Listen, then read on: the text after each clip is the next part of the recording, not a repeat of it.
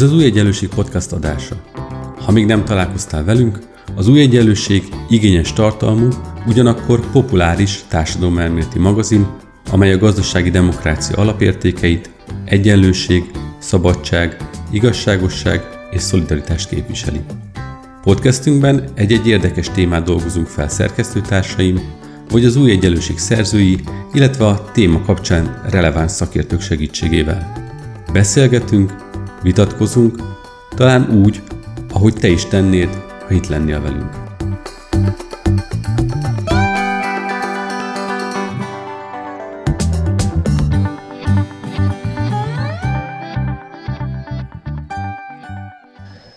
Üdvözlöm az új Egyenlőség Piros podcastjának hallgatói.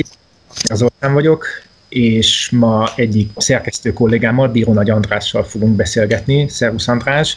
Szervusz Zoli, és köszönöm a lehetőséget. Még pedig abból az alkalomból, hogy az általad vezetett Policy Solutions a múlt héten tett közzé egy új tanulmányt, ahogyan azt tőletek megszokhattuk, ez egy közvéleménykutatás eredményeit egy reprezentatív felmérés eredményeit tartalmazza, és ennek kapcsán olvashatunk egy elég hosszú elemzést, ez egy több mint 80 oldalas anyag, ami a zöld baloldal illetve a zöld és a baloldali politika együttműködésének, összekapcsolódásának magyarországi esélyeiről szól. És ennek volt egy, egy online bemutatója, de azt hiszem, hogy ebben a beszélgetésben talán ahhoz képest is hozzá fogunk tudni tenni néhány fontos információt, vagy olyan nézőpontot, amit, amit esetleg ezen a bemutatón nem érintettetek, de visszakereshetik egyébként az érdeklődők. És hadd kezdjem ott, hogy sokszor fordul elő nálatok, hogy, a, hogy, a, hogy már a borító valamilyen szimbolikus megközelítést tartalmaz, és itt a, ennek a kiadványnak a borítóján hát görögdínyéket lehet látni, melyek ugyebár kívül zöld és belül vörös színűek, és írod is a, a bevezetőjében ennek a tanulmánynak, hogy ez nagyon is szándékos, és tulajdonképpen azt a vádat kellene pozitívba fordítani, hogy ezt vállalják föl a, a baloldali politikusok, illetve a velük együttműködő zöldek, hogy itt igenis két egymásba kapcsolódó ö, politikai irányzatról van szó. Kérlek, hogy majd beszélj erről is, de talán arról is érdemes beszélni, hogy mennyire egyértelmű, hogy a baloldali és a zöld politika kapcsolódik egymáshoz a leginkább, tekintettel például arra, hogy Ausztriában egy néppárti zöld koalíció van hatalmon, és hogy például Németországban is sokan várják azt, hogy a következő választás után egy CDU zöld kormány alakulhat. Szóval mennyire szoros ez a zöld-piros kapcsolat? Igen, hát ez a dinnye motivum azt gondolom, hogy, hogy csak a magyar közvéleményben, vagy a magyar közbeszédben újdonság. Tehát ez sok-sok éve nemzetközi zöld körökben is, de azok is, akik úgymond leleplezni akarják a zöld mozgalmat, és arra akarnak rámutatni, hogy valójában ezek, ezek, ezek baloldali mozgalmak csak, csak más köntösbe helyezve. Ezt a dinnye motivumot már már sokszor használták. Ugye a magyar közéletbe igazán erősen azáltal került be, hogy Orbán Viktor hívta fel arra a figyelmet, hogy az ő értelmezése szerint zöldnek lenni az valójában baloldalinak lennit jelent, hiszen kívül zöldek, belül vörösek azok, akik ilyen témákban aktívak szeretnek lenni. És mi arra igyekeztünk felhívni a figyelmet ebben a kiadványban, hogy a modern baloldalon most már én azt gondolom, hogy inkább ezt egy büszkén vállalt célként kellene kitűzni, hogy minél többek a társadalom minél több tagja tekintse természetesnek az igazságosság és a fenntarthatóság összekapcsolódását. Tehát ez nem valami, ez a görög dínye, ez nem egy negatív dolog, hanem én azt gondolom, hogy ezt nagyon büszkén kellene viselni azoknak, akik az igazságosság és a fenntarthatóság értékeit egyébként fontosnak tartják. Amit kiemelnék, hogy azért akik zöld gondolatokban hisznek, azok meglehetősen sokszínű emberek, és, és természetesen Magyarországon is van hagyománya konzervatív zöld gondolatkörnek is, talán nem kell messzebb menni, mint mondjuk Sólyom László konzervatív zöld világát, ha felidézzük akár a 90-es, akár a 2000-es évekből, akkor látjuk, hogy van ennek egy ilyen természetvédő konzervatív vonala. Viszont azt gondolom, az utolsó évek válságai, tehát akár a klímaválságnak az előtérbe kerülése, akár, a, akár a, az idei nagy válság, a koronavírus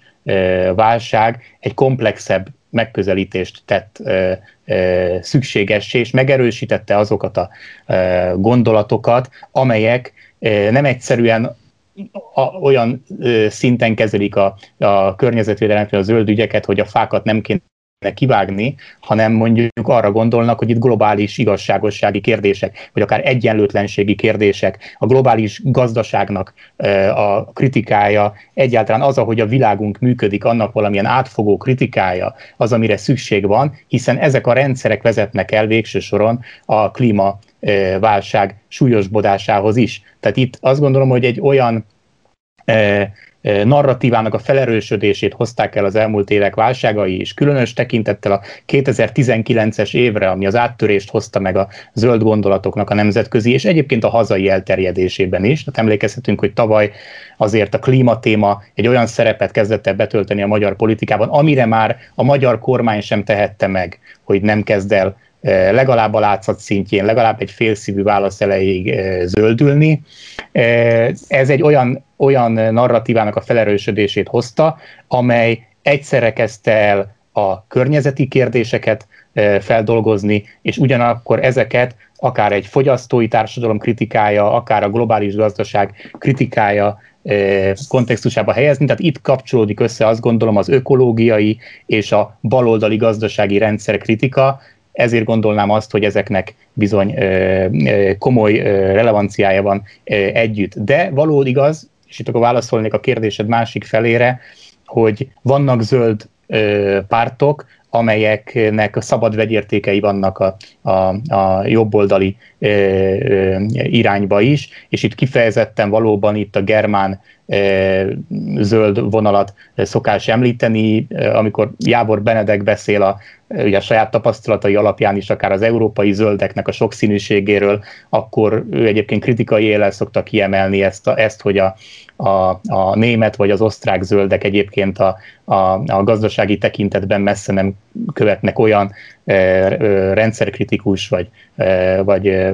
kapitalizmus kritikus álláspontot, mint mondjuk akár egy francia zöldek. Úgyhogy igen a, a, tehát igen, a zöld mozgalom egy sokszínű e, történet, egy sokszínű világ, de az utóbbi éveknek a fejleményei én azt gondolom, hogy teljesen egyértelművé teszik, hogy itt ezt már egy nagyobb csomag részeként kell kezelni, és, a, és, a, és nem lehet eltekinteni attól, hogy itt gazdasági és társadalmi fenntarthatósági kérdésekről is erősen szó van. Ez már önmagában nagyon érdekes, és szeretnék is majd később arról ö, beszélgetni, hogy a magyar kormány 2019 végi, 2020 elejé klímapolitikai félfordulata az vajon éreztette a hatását azokban a válaszokban, amelyeket ebben a kutatásban kaptatok, de előtte még egy, vagy még egy általánosabbat kérdeznék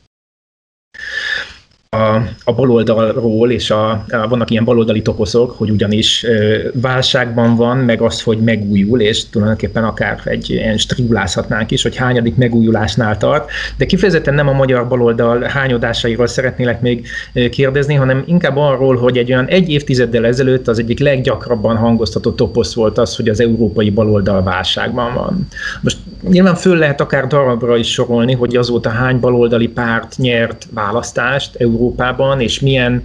ö, milyen módon próbáltak megújulni baloldali mozgalmak. Van, akinek sikerült, van, akinek nagyon nem sikerült, de ez a toposz, ez fönnáll le ma szerinted, hogy egy ilyen általános baloldali válság jellemzi ma is az európai politikai szinteret, és hogyha vannak ebben elmozdulások, akkor ebben volt-e szerepe annak, hogy a baloldali pártok zöld programelemeket tettek magukévá, vagy együttműködésbe kezdtek zöld politikai pártokkal? Igen. Hát ha az európai baloldalt nézzük, akkor akkor azt láthatjuk, hogy nem egységes a kép, tehát nem tudunk egy olyan trendet mondani, hogy na, akkor egész Európában romlik a helyzet, vagy javul a helyzet a szociáldemokrata pártok szempontjából. Itt inkább regionális különbségekről beszélnék. Tehát például Skandináviában él és virágzik a, a szociáldemokrata politika, nem függetlenül attól egyébként, hogy a szabad vegyértékeik a zöld pártokkal lehetővé teszik a koalíciós kormányzást. Hm. Tehát például ilyen, ilyen, szoc, ilyen szocdem zöld koalíciók vannak Svédországban vagy Finnországban. Amit hangsúlyoznék, hogy mondjuk a Dán Szocdem kormánynak is nagyon-nagyon markáns zöld politikája van. És a másik régió, ahol kifejezetten jól mennek a, a, a baloldali, és nyugodtan mondhatom zöld baloldali értékek, az pedig az ibériai félsziget, ahol Spanyolországban és Portugáliában is az utóbbi évek egyértelműen a, a, a baloldali politika megerősödését hozták. Amit hangsúlyoznék, hogy minden olyan párt esetében, amelyek sikerrel szerezték vissza a hatalmat, most ha baloldal felől nézzük a dolgot az elmúlt években, ott mindenhol látszik egyfajta gazdaságpolitikai baloldali fordulat, ez mondjuk Skandináviában nem volt olyan nehéz, mert nekik igazából vissza kellett nyúlni évtizedes hagyományaikhoz, amelyek a társadalomban meglehetősen népszerűek. Tehát ott, egy, ott igazából a saját korábbi baloldali tradícióiknak az erősebb képviselete elegendő volt. Az ibériai félszigeten viszont a válság szociális kiigazítása, tehát ez még az előző, tehát nem a koronavírus, hanem a Igen. 2008 utáni, meg az eurózóna válsága alatti elképesztő gazdasági, szociális nehézségeknek a szociális gyógyírja, amit rátettek eh, ezek a kormányok, ami megpróbáltak kiigazítani szociális szempontok szerint, és a megszorítások időszaka után egyfajta e, igazságosabb és szociálisan érzékenyebb politikának a képviseletével a portugál és a spanyol e, baloldal is igencsak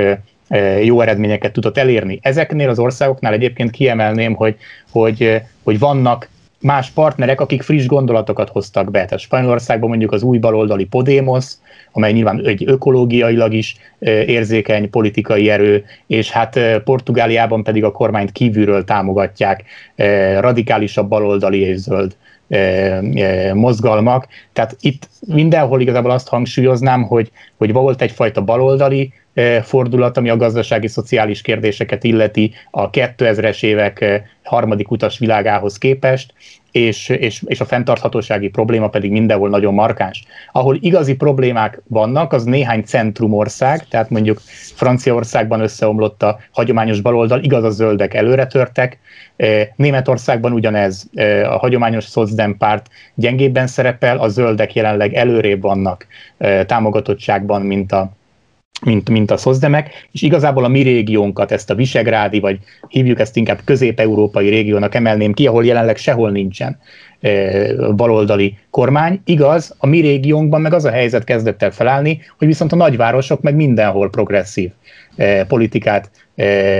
visznek, és a nagyon konzervatívvá váló vidék az, amely ezekben az országokban egy jobboldali vagy hát legalábbis nem baloldali kormányzást tesz lehetővé. De hogy a magyar kontextus nézzük, nálunk a főpolgármester Budapesten egy masszív zöld baloldali programmal nyerte meg e, a, a, a mandátumát, és kutatásunkkal azt igyekeztünk alátámasztani, hogy egyébként ezeknek a zöld baloldali gondolatoknak e, az egész társadalomban lehetnek komoly tartalékai, de nem mindegy, hogy egy válsághelyzetben hova teszi az ember a hangsúlyt. Még talán záró gondolatként ehhez a részhez azt mondanám el, hogy, hogy hogy nagyon fontos, hogy, hogy itt koalíciós kormányzásban kell gondolkodni. Azokban az országokban is, ahol a baloldal jelenleg hatalmon van, nincsenek egypárti kormányok, baloldali kormányok. Ez most nagyon nagy szerencsével Új-Zélandon jött, jön valószínűleg össze, ahol egy egészen parád és válságkezelés is segíti az új-zélandi szociáldemokrata miniszterelnök asszonyt. Ő a koronavírust is nagyon jól kezelte, meg még sok minden mást is. Ennek köszönheti, hogy ott abszolút többsége van. De egyébként itt koalíciókra kell felkészülni, ahol egyébként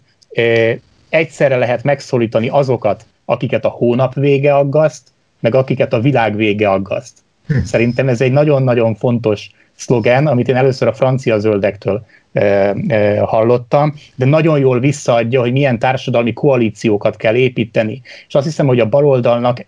egész Európában az egyik problémája az volt, hogy az a fajta társadalmi koalíció, ami korábban a győzelmeket hozta, tehát hogy a képzettebb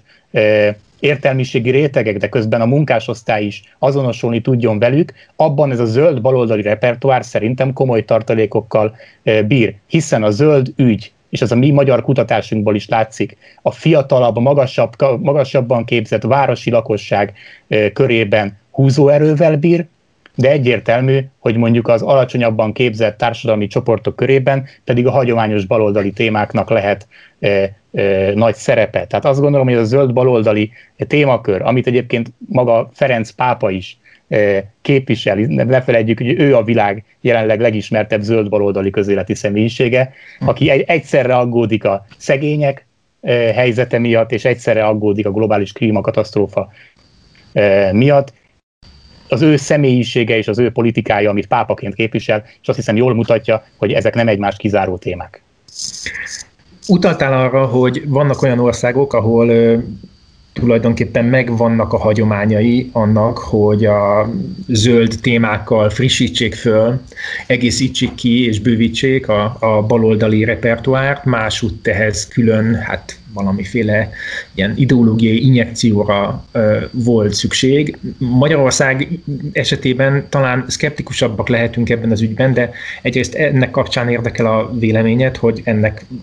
vajon milyen előzményei lehetnek, amelyekre támaszkodhatunk, vagy hogyan lehet szélesebb körben meggyőzni a magyar ö, társadalom tagjait, bár részben erre utaltál, hogy már most is fogékony rétegek léteznek. Másfél meg ugye van egy olyasfajta, vagy legalábbis az én számomra kirajzolódott egy olyasfajta fajta attitűd ebből a nagyon érdekes felmérésből, hogy ö, zöld politikához kapcsolható céllal egyetértenek a megkérdezettek, viszont hogyha arra a kérdésre kerül sor, hogy vásárolnak-e, vásárolnának-e drágábban termékeket abban az esetben, ha ez biztosítja azt, hogy föntarthatóvá váljon a zöld gazdaság, vagy fizetnének azért többet egy termékért, mert tudják, hogy az a, védi a klímát és a környezetet, akkor ezt viszont elutasítják, Szóval, hogy nem az történik-e ebben is, mint szerintem sok más esetben, hogy a magyar társadalom a jó célokkal úgy általában egyetért, csak amikor neki személyesen kellene valamit tenni ez ügyben, akkor ez a, ez a motiváció gyengül, és ez részben magyarázható persze mondjuk ebben az esetben az árérzékenységgel és a, és a nehéz megélhetéssel, de vannak olyan, olyan témák a, a felmérésetekben, amelyek nem feltétlenül azt mutatják, hogy kifejezetten ez anyagi kérdéseket jelent, tehát nem a megélhetés miatti aggodalmat jelent, hanem egyszerűen csak a, a, az önálló hozzájárulás és a, és a saját személyes akár anyagi, akár valamilyen cselekvésbeli érintettség az már távolról sem annyira erős, mint amennyire egyébként a célokkal úgy általában egyetértünk. Igen.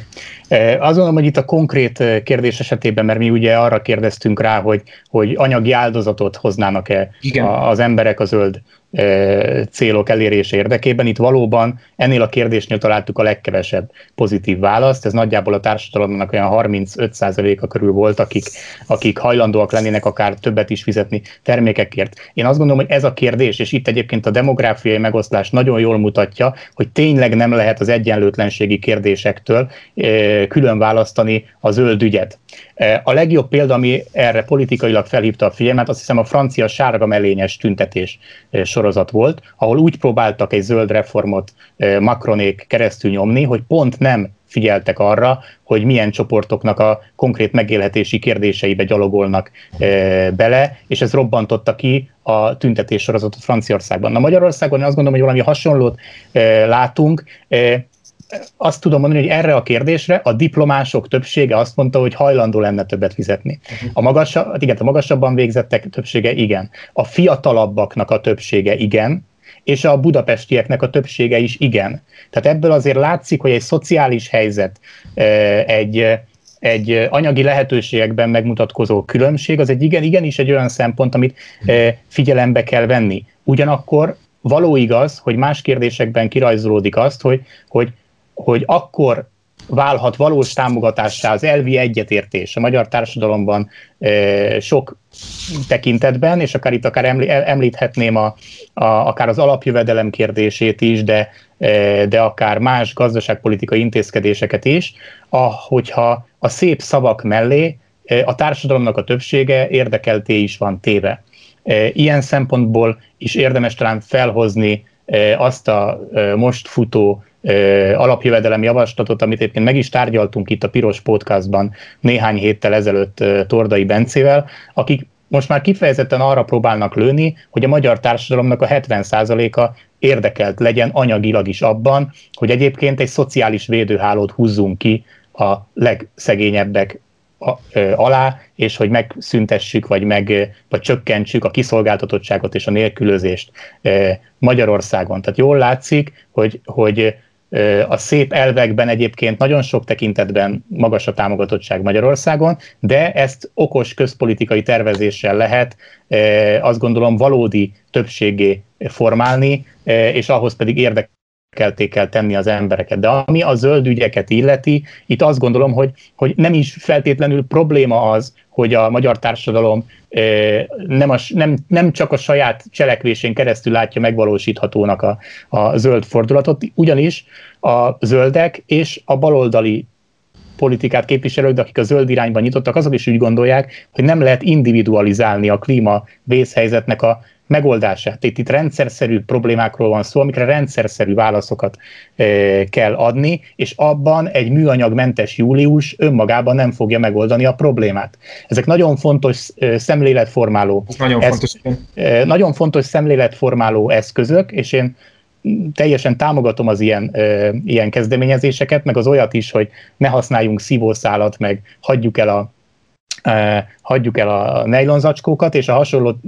kezdeményezéseket, de az jól látszik, hogy mondjuk ez a, a kínai széndiokszid kibocsátás problematikájával nem azonos súlyú probléma. Tehát, tehát azt gondolom, hogy, hogy e tekintetben meg még a zöld kérdés megoldása, meg a fenntarthatósági kérdések megoldása szempontjából nekünk is érdemes arra felhívni a figyelmet, hogy ugyanaz egyéni cselekvés és példaadás fontos, de ennél többre van szükség, hogyha ezt az egész kérdéskört meg akarjuk tudni ugrani hosszú távon. Ez nagyon fontos, hogy utaltál arra, ezt csak szeretném megerősíteni, hogy ugye ezeket a politikákat is egy ponton túl ugye, ugyanúgy el kell adni a választóknak, ahogy bármilyen más programelemet, tehát hogy itt nem arra kell számítani, vagy nem lehet arra számítani, hogy itt majd egyszer csak egy társadalom egy emberként a homlokára csap, és belá szükségszerűségeket, hanem hát ez egy politikai művelet, hogy hogyan lehet vonzóvá tenni az egyébként politikai erők által fontosnak tartott programpontokat, és ennyiből az egy nagyon jó közelítésnek tűnik az én számomra, hogy ez erre legalább kísérlet történik. De ha már itt tartunk, Ugye szó volt már korábban, mert utaltál erre az első válaszodban, hogy a, hogy a kormánynak, a magyar kormánynak egy ilyen klímapolitikai, hát nem is tudom, hogy hívjuk, félfordulata, vagy hát legalábbis valamiféle engedmény, engedménye volt 2019-20 fordulóján, és ugye ezeknek a felméréseknek, amelyekben különböző témákhoz való viszonyáról kérdezitek az embereket, megvan az a sajátosság, ezt korábban is lehetett tapasztalni, hogy amikor bizonyos ügyek megítélése a téma, akkor, akkor gyakran szinte meghökkentően józan és belátó véleményeket adnak válaszként a megkérdezettek, egészen addig a pontig, ameddig nem valamilyen a politikai csatatéren terítéken lévő témáról van szó, mert ott abban a pillanatban mindenki beáll a saját politikai tábor által képviselt vélemény mögé. Most ebben a, a klímakérdésben és a zöld ügyek megítélésében vajon hozott-e valamilyen változást ez a bizonyos kormányzati félfordulat, amit egy ilyen jó háromnegyed évvel ezelőtt lehetett tapasztalni, érzékenyebbé váltak-e valóban erre a, a fideszes szavazók, vagy elfogadóbbak-e a, a klímaügyel kapcsolatban, mert ugye nem mindegy, hogy ezt egy ilyen sorosista összeesküvésnek tekintik, vagy pedig józan mondatokat hallanak a saját pártjuktól is. Igen, volt hatása a, a Fidesz félfordulatának, de én, és mindjárt mondom is, hogy mi volt, mert látjuk is a számokban, de elsőként azt hangsúlyoznám, hogy a Fidesz inkább lekövette azt, amit a saját szavazóitól lehetett látni. Tehát tehát ő ment a szavazói után. Igen, igen, tehát azért reagált arra, hogy valamit mondani kell már klímaügyben, mert egyébként az adatok azt mutatták 2019-ben, hogy a fideszes szavazók sem klímaszkeptikusok, ők is elvárnák azt, hogy több történjen e tekintetben a kormány részéről mi évek óta csinálunk a Policy Solutions-nél egyébként ilyen zöld ügyekben, ezeket felszoktuk tenni, nem mindig volt erre alkalom publikálni, de most egybe tudtuk nézni a néhány évvel ezelőtti adatokkal. És, és azt látjuk, hogy tavaly a fideszeseknek az 55%-a mondta azt, hogy, hogy eleget tesz a kormány a klímavédelem terén. Tehát csak a fideszeseknek körülbelül a fele volt elégedett azzal, amit a Fidesz tesz ez volt a 2019-es állapot. És a mostani állapotban meg azt látjuk, hogy most már a fideszesek háromnegyede elégedett azzal, amit a Fidesz tesz. Uh-huh. Tehát, hogyha valami hatást látunk, akkor az, hogy, e, hogy a Fidesz egy kicsit utána ment a saját táborának, és azzal, hogy legalább valamit kezdett csinálni, legalább valamit, legalább kezdett róla beszélni, legalább nem megkérdőjelezte ezt a kérdéskört, hanem, hanem mondjuk születtek arról fideszes politikus publicisztikák is, hogy a klímaváltozás létezik, és van erre egy konzervatív válasz, de az nem olyan, mint a baloldali válasz. Tehát legalább ez a narratíva elkezdődött, és utána még a koronavírus járvány előtt január környékén be is jelentettek egy klímavédelmi Igen. csomagot, ami persze a zöld szervezetek szerint egy, egy nem volt egy elégséges csomag. Ez már látszik, hogy annyit jelentett, hogy jelentősen megnőtt legalább a fideszesek körében azoknak az aránya, akik most már azt gondolják, hogy a kormány eleget tesz ebben a, a kérdéskörben. Ez a társadalom egyéb csoportjait nyilván nem győzte meg, tehát továbbra is nagyon kritikusak a, az ellenzéki szavazók a Fidesz klímapolitikájával kapcsolatban, aminek persze ad egy lökést az, hogyha a miniszterelnök abszolút klímacélokról kezd el beszélni, Igen. Eh, amikor persze európai szinten fölmerül a kérdés de az látszik, hogy a Fideszes tábornak az igényeit valamelyest jobban kielégíti a mostani hozzáállás a klímakérdéshez. Meg hát akkor leginkább az látszik, hogy ez a téma jelen van Magyarországon, hiszen még a Fidesz is kénytelen volt reagálni ennek a témának a létezésére. Igen, és hát láthatjuk, hogy itt egyébként a Fidesznek a, a, az a személyisége, aki leginkább próbál ebben valamit gondolkozni és mondani, az az Orbán Balázs államtitkár, ő egyenesen olyan publicisztikákat eléggé ilyen vészcsengőt kongató publicisztikákat írt 2019-ben, amelyek azt a hangot ütötték meg, hogy, hogy nem hagyhatjuk, hogy ez a baloldal monopóliuma legyen ez a téma, és igenis be kell mutatnunk azt, hogy ez konzervatív oldalról is egy értelmezhető kérdés, nyilvánvalóan nem függetlenül attól, hogy 2019-ben akár az EP kampányban, akár utána a, a amikor az egész magyar sajtó arról szólt, hogy az ég, az ausztrál erdők égnek, a, a, az északi sarkon és a déli sarkon olvad a jég, és hasonló hírek töltötték be a médiát még ugye a koronavírus járvány előtti e, időszakban. Ebben a helyzetben valamit lépni kellett a Fidesznek, különösen, hogyha a fiatalabb társadalmi csoportokban szeretne még valamit következő évtizedekben. A kutatásotok egy jó csomó más témát is érint. Megnéztétek azt, hogy milyen kérdések foglalkoztatják egyáltalán a magyar társadalmat, itt azt lehetett találni most, hogy bár az egészségügyet eddig is meglehetősen előre sorolták a probléma listában a választók, amikor tavasszal a, az Orbán rendszer tíz évét vizsgáltátok, akkor is ott az egészségügy előkelő helyen szerepelt a probléma listán, de most kifejezetten az egészségügy és a megélhetéssel összefüggő kérdések vannak, a, vannak az első, második, harmadik helyen, ami hát azt gondolom már valamiféle reakció lehet a koronavírusra, illetve a koronavírus válságot követő gazdasági krízisre. Ugyanakkor, és javíts ki, ha tévedek, volt egy olyan benyomásom, hogy amikor azt taglalja a kutatás, hogy az egyes társadalmi csoportok számára mi a legfontosabb probléma, akkor persze mindenki a saját problémáját mondja leginkább. Ez önmagában még nem meglepő, ami engem egy kicsit szíven ütött, ha fogalmazhatok így, hogy mondjuk az idősek körében mennyire alacsonyan van az oktatás problémáival, az oktatás alacsony színvonalával kapcsolatos ö, aggodalom, vagy mondjuk a fiatalok körében mennyire alacsonyan van az időskori megélhetéssel kapcsolatos ö, aggodalom. nyilván ez egy távol élethelyzet, de hát mondjuk a szüleikről, nagyszüleikről van szó, hogy a fővárosiak a saját lakás problémáikkal vannak elfogalva, a vidéken élők a falusi megélhetés nehézségeivel, szóval ez így önmagában persze érthető, de kicsit olyan, mintha mindenki a saját világában lenne bezárulva, és ezeknek az átfogó nagy társadalmi problémáknak, amelyek hát azt gondoljuk, hogy ugyanannak az egyenlőtlenségi szisztémának a, a leágazásai, mint hogyha nem lenne egy ilyen átfogó narratívája, és mint hogyha nem látnánk azt a, itt a magyar társadalomban, hogy a másik problémája az tulajdonképpen az enyémre nagyon hasonlít, és hogy valamilyen általános uh, uh, okra vezethető ez vissza, és általános megoldást kínál. Vagy ezt csak én látom ilyen sötéten? Nem, nem, nem, nem, nem csak te látod úgy, hogy itt nagyon különböző problématérképek vannak a társadalmon belül, de de ahogy ezt fel is vázoltad a konkrét példákon keresztül, szerintem ebből jó, jó pár dolog azért érthető, tehát az, hogy a pályakezdő fiatalt a saját alacsony fizetése, vagy egyáltalán lesz-e munkája, érdekli a legjobban, az nem annyira meglepő, az időseket meg a saját nyugdíjuk alacsonysága érdekli a, a legjobban. Az más kérdés, hogy valóban az érzékenység a másiknak a problémái iránt, az mint hogyha,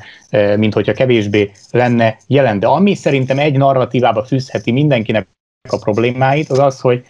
hogy, hogy akárkinek, akármi is a problémája, valahogy mindig az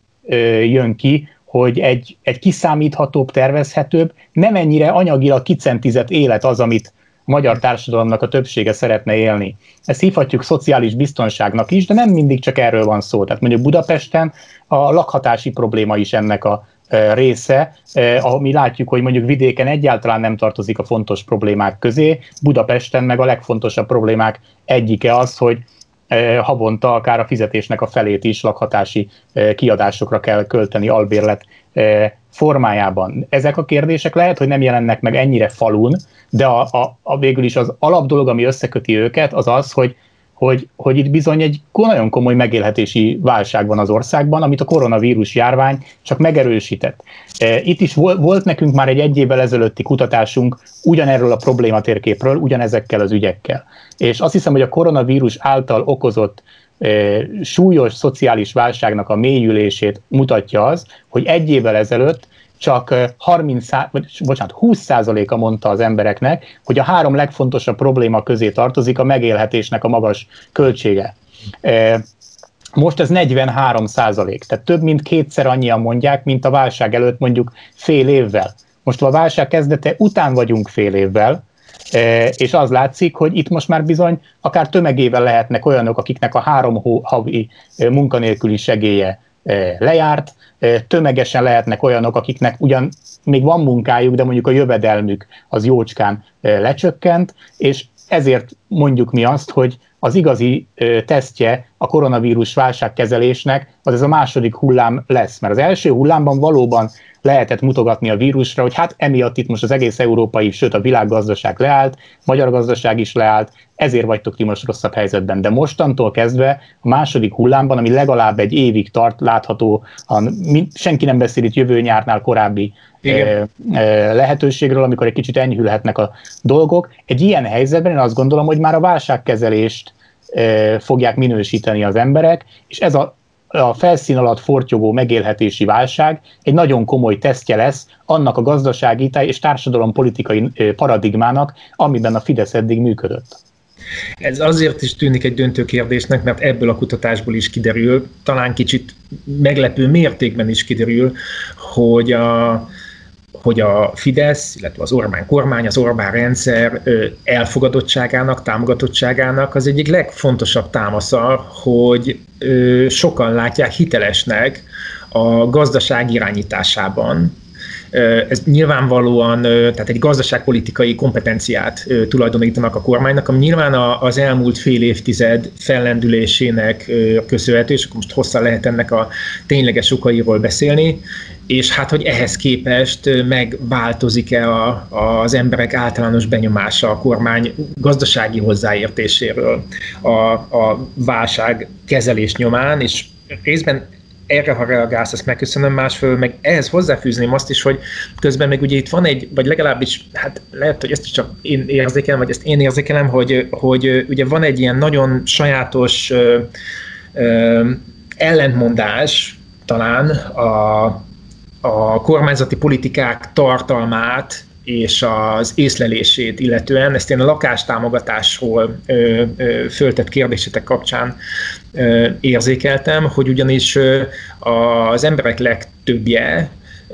a kormány sikerágazatának látja a lakástámogatási rendszert, aminek ugye óriási hát, hype-ja is van, kormányzati hype-ja is van. Máshol viszont, amikor azt kérdezitek, hogy jó-e egy olyan, gazda, eh, jó-e egy olyan lakáspolitika, ami az amúgy is jobb helyzetben lévőknek ad sokkal több pénzt, akkor erre azt mondják az emberek, hogy ez nem jó. Na de hát a kormány lakáspolitikája erről szól, akkor miért látják jónak? Mint hogyha a tartalmat fölülírna a kommunikáció, és talán a gazdasági válságkezelésben is hát azzal próbálkoznának, hogy a következő másfél évben kommunikációs hullámokkal írják fölül a, a vírus hullámait, illetve a gazdasági válság hullámait. Igen. Valóban az egyik fontos megállapítása ennek a kutatásunknak, hogy a, a Fidesz támogatottságában milyen hatalmas szerepe van annak, hogy a saját szavazói azt gondolják, hogy jól tudja menedzselni a gazdaságot. Ez Egyébként az Orbán 10 kutatásunkban tavasszal is már az egyik fő ér, érvként jött ki, majd később a 21 kutatóközpontnak volt egy kutatás, amely szintén a gazdasági szavazásnak a, a szerepéről szólt, és azt hiszem, hogy ez most már a harmadik kutatás így, és a mi részünkről a második kutatás itt fél éven belül, ami ezt nagyon erősen aláhúzza. Tehát azt gondolom, hogy itt minden oldalról, ha nézzük ezt a kérdést, akkor jól látszik, hogy ugyan Nyilván volt szerepe az elmúlt években a migrációs propagandának, itt volt szerepe erőforrás fölének, itt nagyon sok mindennek az, az ellenzék széttagoltságának, tehát nagyon sok mindennek volt szerepe a Fidesz sikerében, de a, annak is feltétlenül, hogy egy pozitív gazdasági konjunktúrában az a hit, hogy ők tudják menedzselni a gazdaságot, az nagyon erős volt. És ez a azt kell mondjam, hogy a koronavírus második hullámának ele, elejéig, amikor ez a felmérésünk most készült, ez, ez eléggé intakt maradt. Tehát továbbra is a fideszesek 83%-a gondolja azt, hogy a, a Fidesz gazdasági kérdésekben kompetensebb, hitelesebb, mint az ellenzék. Tehát az jól látszik, hogyha választaniuk kell gazdasági alapon, akkor egyértelműen a mostani kormány tartják hitelesebbnek. És ezért gondoljuk mi azt, hogy a következő egy év az ennek a gazdaságpolitikai hitelességi percepciónak lesz az igazi tesztje. Hogy, hogy abban, ahogyan kezelik a mostani válságot, abban nem inog-e meg ez a fajta ez a fajta hita a gazdaságpolitikai kompetenciában, mert viszont ha meginog, akkor azt gondolom, hogy az ellenzék egy korábban az elmúlt tíz évben nem látott lehetőséget kap arra, hogy, hogy, hogy megerősödjön, és egy szociálisan érzékenyebb és fenntarthatóbb alternatívát nyújtson. Ami a másik, ami a másik kérdésedre vonatkozik, és az a lakáspolitika, a, a percepció és a valóság kérdésköre. Hogyha emlékszel, akkor tavasszal, amikor az Orbán 10 kutatást mutattuk be, akkor ott hasonló dolgok merültek fel a családtámogatási rendszernek Így a megítélésében. Ugyanezt látjuk. Tehát a családtámogatási rendszer szintén egy fölfelé célzó családtámogatási rendszer, viszont, viszont azt láttuk, hogy az elmúlt tíz év legnagyobb vívmányai közül az első helyre tették a magyar választók a családtámogatási rendszert. Pártokon átívelően sokan látják azt, hogy, hogy a családoknak sokat segít a, a, a, vagy sokan látják úgy, hogy a családoknak sokat segít a kormány. Mi lehet-e mögött? Az lehet-e mögött, azt gondolom, hogy nagyon sokan úgy vélik, hogy lehet, hogy ők személyesen nem tudnak élni vele, de látják, hallják, hogy a kormány tesz valamit ezen a téren, nagyon hangosan jön szembe az, hogy, hogy, eh, hogy eh, lakásfelújítási programot indít a kormány, hogy a csokon keresztül itt 10 milliókat lehet kapni, és lehet, hogy, hogy nem is rendelkezik a magyarok többsége egy olyan szofisztikált közpolitikai elemzői tudással, amelyből összerakná, hogy ez komplett társadalmi csoportokat egyébként kihagy ezekből a programokból. Tehát e, ebből a szempontból én azt gondolom, hogy, hogy, hogy lehet magyarázatot találni arra, hogy egyébként miért tartják sokkal többen önmagában a kormányt aktívnak vagy hitelesebbnek ezekben a kérdésekben. Azt látják, hogy ebben a, ezen a téren cselekszik a kormány, van erre elképzelése, van erre programja, lehet hallani a konkrét számokat. Most is szerintem, ha megmérnénk, és ezt, még, ezt nem mértük meg ebben a kutatásban, hogy a lakásfelújítás, ami január 1-től in, indul majd. Hát az, hát, hát az ugyanaz. Tehát aki nem tudja hozzátenni a maga másfél-két-három millió forintját a lakásfelújításhoz, amit persze a kormány majd kipótol másfél-két-három millió forinttal, hanem neki esetleg a hónap vége a probléma, akkor ezzel ugyanúgy nem fog tudni élni. Ettől még lehet, hogy egyébként egy szuper elvnek tartja, hogy hú, de jó, hogy a kormány a lakásfelújításokat végre elkezdi e, támogatni. Tehát az önmagában én azt gondolom, hogy nem feltétlenül kizáró e, ok, hogy az elvet támogassa egy állampolgár, még akkor is, hogyha ezzel személyesen e, nem feltétlenül tud élni. És itt jön a szerepe be természetesen, a, a, amit te hype-nak hívsz, a, a kormányzati propagandának. Igen. igen, én hívhatom akkor kormányzati propagandának, amely akár hónapokon keresztül, amely akár óriás plakátokkal teleplakátolva az országot nyomatja a családtámogatási rendszert, akár nemzeti konzultációk témájával is teszi a, a kérdéskört, akár a 2018 utáni ciklus legfontosabb problémájával emelve a demográfiai kérdést, ugye Orbán Viktortól voltak ilyen mondások, tehát ezek már önmagában e, értelmezhetővé tették azt, hogy, hogy, hogy miért került ez hasonló polcra, vagy akár még följebb az emberek szemében az Orbáni tíz év megítélésénél, mint a, mint a migráció, vagy akár a rezsicsökkentés kérdésköre. A rezsicsökkentésnél is ez volt a helyzet, ha már elnézést idehozok egy harmadik kérdést, hogy nyilván aki, akinek, aki nagyobb házban, nagyobb fogyasztással élt, az egyébként anyagilag többet nyert a rezsicsökkentéssel, mint a kis e, egzisztenciájú emberek. Ez ettől még nem jelentette azt, hogy a legmagasabb végzettségű társadalmi csoportokban lett volna a legnagyobb a támogatása a rezsicsökkentésnek, hanem azok, azok örültek ennek a legjobban, akik lehet, hogy csak morzsákat kaptak, de valamit kaptak. Mindenesetre ez nagyon ö, érdekes kérdéseket vet fel, ezekre csak talán részben tudunk majd reflektálni azzal kapcsolatosan, hogy mit és hogyan észszerű politikai szempontból kritizálni a, a, a kormány közpolitikáján, de erre egy picivel később térjünk vissza, mert nagyon érdekes az ellenzék és a kormány hitelességével foglalkozó grafikonnal zárul a kutatás, de mielőtt erre rátérnék, egy utolsó előtti kérdésként hadd vessem föl azt, hogy ugye különböző identitáspolitikai ügyeket is vizsgáltatok, és őszintén szóval engem sajnos különösebben az nem lepett meg, hogy a, a sok kérdésben egy irányba húzó válaszolók nagyon megoszlottak a romák felzárkóztatása ügyében, hogy szükséges erre plusz erőfeszítéseket tennie az államnak, illetve a melegek házasság egyenlősége kapcsán az elutasítók aránya az nagyobb is volt, mint a támogatóké. Szóval ez talán a, a magyar társadalom ismeretében ez a konzervatívabb attitűd nem különösebben meglepő, ami engem politikai szempontból érdekel, hogy hát mi következik ebből egy, ahogy te is említetted már, egy színes, koalíció-szerűen működő ellenzéki szövetség nézeteire, közös programjára vonatkozóan. Kinek, miben kinek a számára kell engedményeket tenni, különösen annak a tapasztalatnak a a birtokában lehet ez érdekes kérdés, hogy a Borsodi hatos választókerületben egy korábban rasszista, antiszemita kijelentéseket tevő jobbikos jelölt mögé odaálltak a baloldali és liberális pártok, akkor ez most azt jelenti, hogy más ügyekben viszont a más irányból, ténylegesen más irányból érkező illetve más nézeteket valló pártok meg, meg kell, hogy támogassák a baloldali vagy liberális nézeteket, mondjuk emberi jogi tekintetben, vagy pedig ezeket le kell halkítani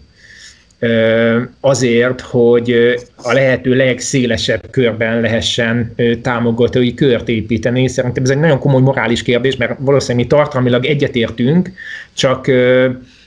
csak hát más választóknak meg egészen eltérő igényeik vannak, szóval kinek mennyire kell önmagát föladnia egy ilyen kérdéskörben. Hát igen, ez, ez lesz ugye a közös ellenzéki programalkotásnak az egyik e, nagy kérdése, hogy itt nagyon különböző álláspontok fognak e, megérkezni a tárgyalóasztalhoz, és hogy, e, hogy ahogy ebből itt ki melyik kérdésben tud kompromisszumot e, hozni, ez, ezt, ezt azt hiszem mi, mi is e, nagy érdeklődéssel várjuk majd a következő e, hónapokban. Ami a konkrét kérdést e, e, illeti, Az látszik, hogy ugye identitáspolitikai kérdésekben a magyar társadalom jóval konzervatívabb, mint a gazdaságpolitikai, de akár most nyugodtan mondhatom már a zöld kérdéskört is, amiben szintén kiderült, hogy, hogy a, a fenntarthatósági alapelveknek és politikáknak elég nagy a támogatottsága. Egy ilyen kérdés szerintem elsősorban egy koherencia teszt tud lenni azoknak a pártoknak, akik, akik ebben részt vesznek, és ez a koherencia teszt, ez ugye annak a tesztje, hogy ezt az egyenlő, egyenlőség, tolerancia, de akár nyugodtan mondhatom, hogy az empátia kérdéskört, ezt mennyire terjeszti ki az ellenzéki oldal minden kérdésre. Tehát ezért mondanám, hogy ez egy koherencia teszt, mert ugye abban nincsen kérdés, hogy gazdasági, szociális, vagy akár környezeti kérdések tekintetében az igazságossági szempontok azok nagyon erősen képviselve lesznek. Amit látni kell, hogy az ügyekben, amiket említettél, az soha nem lesz az ellenzéknek a nyerőpályája. Tehát nem véletlen, hogy a, a Fidesz ezekbe a korábbiaknál erősebben de mondjuk még szerencsére nem annyira erősen, mint Lengyelországban, de elkezd, elkezdett de sokkal bele, erősebben, mint bármikor korábban. De erősebben, mint bármikor korábban elkezdett beleállni. Itt viszont ugye felidézhetjük a migrációs tapasztalatokat is. A kirekesztésben nem lehet versenyezni a fidesz ez teljesen egyértelmű. Itt a kérdés valójában az, hogy emellett akkor súnyogás következik, vagy pedig, vagy pedig az következik, hogy, hogy felvállalnak egy az egyenlőség, tolerancia, empátia jelszavaival egyébként eh, harmóniában lévő eh, álláspontot, még akkor is, hogyha tudják, hogy nem ezen a ponton fogják megnyerni a választásokat. Szerintem ez a következő időszaknak a, az egyik fontos kérdése, de ugyanakkor, ha most a politikai stratégia szempontjából Igen. kérdezel engem, akkor én azt mondanám, hogy azon kell dolgoznia az ellenzéki erőknek, és teszem hozzá, hogy a jelenlegi válsághelyzet az ellenzéket ebben segíti, hogy a magyar politika ne identitáspolitikai kérdésekről szóljon. Tehát, hogyha a magyar politika nem identitáspolitikáról szól, hanem igazságtalanságról, egyenlőtlenségekről, olyan kérdésekről, amelyek egyébként a kormánynak a gyenge pontját jelentik, és még egyszer hangsúlyoznám azt, ami szerintem már a koronavírus kitörésének a pillanatában látszott, hogy ez a válság, ez a kormánynak egyébként a gyenge pontjaira irányítja rá a, a figyelmet. Ez ilyen szempontból segíti az ellenzéket abban, hogy ez nem egyszerűen egy kommunikációs kampánykérdés. Ez nem egyszerűen egy keretezési kérdés, hogy kinek van nagyobb erőforrása, hogy miről szóljon a politika. Mert hogyha ez egy, csak egy erőforrás kérdés, akkor azt mindig a Fidesz nyeri. De a válság viszont egy nem egy megkerülhető történet. Tehát még mondjuk 2015-ben tényleg a masszív erőforrás kérdésekkel a Fidesz már akkor migrációról tudta eh, formálni a közvéleményt, amikor még egy darab migráns nem volt Magyarországon, egy darab menekült nem volt Magyarországon. Eh, a mostani helyzetben én azt látom, hogy a Fidesz nagyon kínlódik azzal, hogy hogyan fordítsa át a napi rendet azokról az ügyekről, amelyek egyébként neki nem lennének kedvezőek, és ilyen például az egészségügyi válsághelyzet is, de ilyen a gazdasági válság, mínusz 14% os GDP csökkentés, vagy csökkenés, bocsánat, de akár említhetem a szociális megélhetési válságot, aminek a mértékéről meg éppen most hoztunk ugye egy csomó adatot. Tehát ezek a kérdések ott lesznek, ha szeretné a kormány, ha nem. És szerintem az ellenzéknek az a feladata ebben a helyzetben, hogy, hogy mondjuk el tudjon foglalni egy olyan álláspontot ezekben az identitáspolitikai kérdésekben, ami után ő azért egyenes gerincel meg kihúzva nézhet tükörbe, de ugyanakkor a választást teljesen egyértelműen nem ezen a kérdésen lehet szorossá tenni, vagy akár meg is nyerni, hanem teljesen egyértelműen a kormány gazdasági és szociális válságkezelésének a kritikáján, és az azon keresztül felmutatott fenntarthatóbb és igazságosabb alternatíva felépítésén keresztül. Nyilván mi arra nem vállalkozhatunk, hogy itt irányt mutassunk, bár az embernek néha lenne ilyen igénye, csak nem biztos, hogy a képessége megvan hozzá, de akkor, akkor végül erről az utolsó tételről kérdeznélek, hogy azokról az ügyekről, amelyekben úgy, úgy gondolhatjuk, hogy az ellenzéknek fordítania kellene, illetve ö, próbálkoznia kellene, hogy ezeken a területeken fordítson a közhangulaton. A, a kutatást egy olyan ö, ö, grafikon zárja, amely azt kérde, ami azt, annak, arra a kérdésre adott válaszokat foglalja össze, hogy ön szerint az Orbán kormány vagy az ellenzék hitelesebb kérdésekben, és ha, ha mondhatom így, ezek az előbb emlegetett nyerőpályái kellene, hogy legyenek a, az ellenzéknek, és én kicsit melbevágónak tartom őszintén szólva azt, hogy persze ismerve azt, hogy két tábor áll egymással szemben, és nyilván mindenki a, a, a sajátjait nevezi meg hitelesebbnek egy-egy kérdésben, de mégiscsak mondjuk egy olyan ügyben, mint a szociális biztonság megteremtése, az ellenzék alig múlja fölül a, a kormány oldal hitelességét az egész társadalom körében, hogy a munkavállalók oldalán áll a munkáltatókkal szemben, itt is 35% látja hitelesebbnek a kormány, az ellenzéket, és 32 a, a kormány, tehát nincsen hatalmas nagy különbség, és kicsit ilyen provokatív jel azt tudnám mondani, hogy nekem az, nem mondom végig az összes tételt, nekem azt tűnt föl, vagy az, azt a következtetést vontam le, hogy minthogyha az ellenzék még a saját témáiban, vagy a számára kedvező ügyekben sem múlná magasan fölül a kormány, szinte nincs is olyan téma, amiben magasan hitelesebbnek tűnne a, az ellenzék a kormányjal szemben, hogy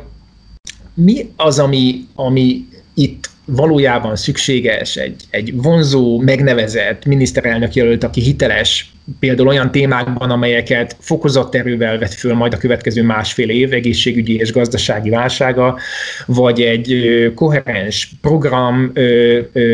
koherens és konzisztens képviselete, szóval, hogy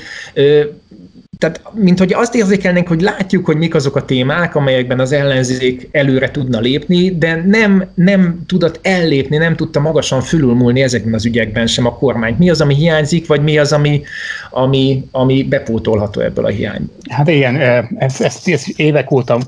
látjuk a különböző felmérésekből, hogy a, a, az ellenzék áttörésének az egyik akadálya, azt hiszem az egy hitelességi probléma. Tehát az jól látszik, hogy nem a nem feltétlenül az ügyekben ö, van a, a probléma, mert akár a mostani kutatásunk is alátámasztja, hogy egyébként nagyon nagy potenciál van egy csomó olyan ügyben, amiben azt gondolná az ember, hogy a kormány egyébként rosszul teljesít. A probléma abból fakad, hogy nagyon sokan az ellenzéknek sem hiszik el, hogy ők ebben jobban tudnának teljesíteni. Ha most az ellenzék vezetne 20 ponttal ebben a felmérésben, a tekintetben, hogy, hogy ki tud egyenlőbb, vagy szociális biztonságot, meg, meg egyenlőtlenségeket csökkenteni, meg az egészségügyet felvirágoztatni, akkor alig, ha nem az ellenzék összefogva már a Fidesz előtt lenne jó pár ponttal a, a, a felmérésekben is. Én azt gondolom, hogy ez a hitelességi, és nyugodtan mondhatom, hogy vezetési válság is az egyik akadálya annak, hogy ezek a egyébként népszerűbb ügyek konkrétan megjelenjenek az ellenzéki pártok támogatottságában is. A vezetési válság alatt ugye azt, nem azt értem, hogy van-e hat különböző párt, és annak hat, vagy még sokkal többen, most már társelnökök is vannak több pártnál, ugye, tehát hogy van egy csomó vezetője. Nem, nem ez a kérdés, hanem az a kérdés, hogy van-e olyan vonzó ajánlat, amit egy az emberek számára hiteles vezető és a köré épült csapat képviselni tud. És azt gondolom, hogy ez az ez a közös ajánlat még nem állt össze, és nincs meg az a közös ö, ember sem, aki ezt, ö, aki ezt az ajánlatot az ászlóra tűzve ö, igazán erőteljesen képviselni tudná. Az előválasztás én azt gondolom egyébként segíthet ebben a kérdésben, abban is, hogy megütköztethetőek lesznek a különböző ellenzéki álláspontok, és ott például kiderülhet, hogy a későbbi jelölt az mondjuk tud-e markánsat mondani gazdasági, szociális kérdésekben, akár az alapjövedelem kérdésében, akár más ügyekben, és természetesen az is kikristályosodhat, hogy ki az a jelölt, akiben az ellenzéki szavazók leginkább a potenciált látják. Én azt gondolnám, hogy, hogy hogy egy fél év múlva, hogyha ezt fegyelmezetten sikerül végigcsinálni ezt a folyamatot, akkor lehet arra lehetőség, hogy ezek a hitelességi mutatók, hogyha tényleg az ellenzék összeáll egy egészé, és látszik a közös program, és látszik a közös jelölt, e, és a Fidesz válságkezelésével szemben az alternatíva is elég e, meggyőző tud lenni, akkor ezek a mutatók tudnak javulni, de egy ilyen szétforgácsolódott vezető nélküli ellenzéknél én azt gondolom, hogy még akár az is jó eredménynek e, tekinthető, hogy egyáltalán vannak olyan kérdések, amelyekben hitelesebbnek tartják jelenlegi formájában az ellenzéket a választók, mint a kormányt. De egyetértek, hogy egyébként a, az Orbán kormány teljesítménye alapján akár sokkal rosszabbul is állhatna egy csomó kérdésben. és akár ide tartozik a klímaváltozás kérdése, ahol szintén nem olyan meggyőző az ellenzéknek a fölénye, pedig lehetne, mint ahogy azt felvázoltuk hosszan a, a beszélgetésben, és ugyanez igaz a szociális és gazdasági kérdésekre is. Hát azt gondolom, hogy ezen a vezetési válságon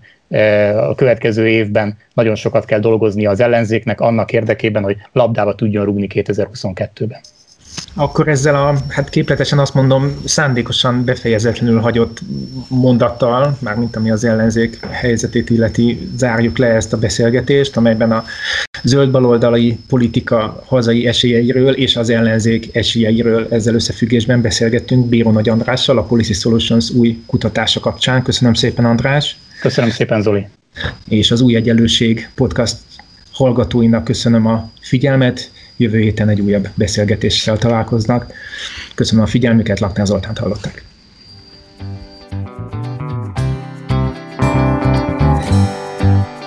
Köszönjük, hogy velünk voltál!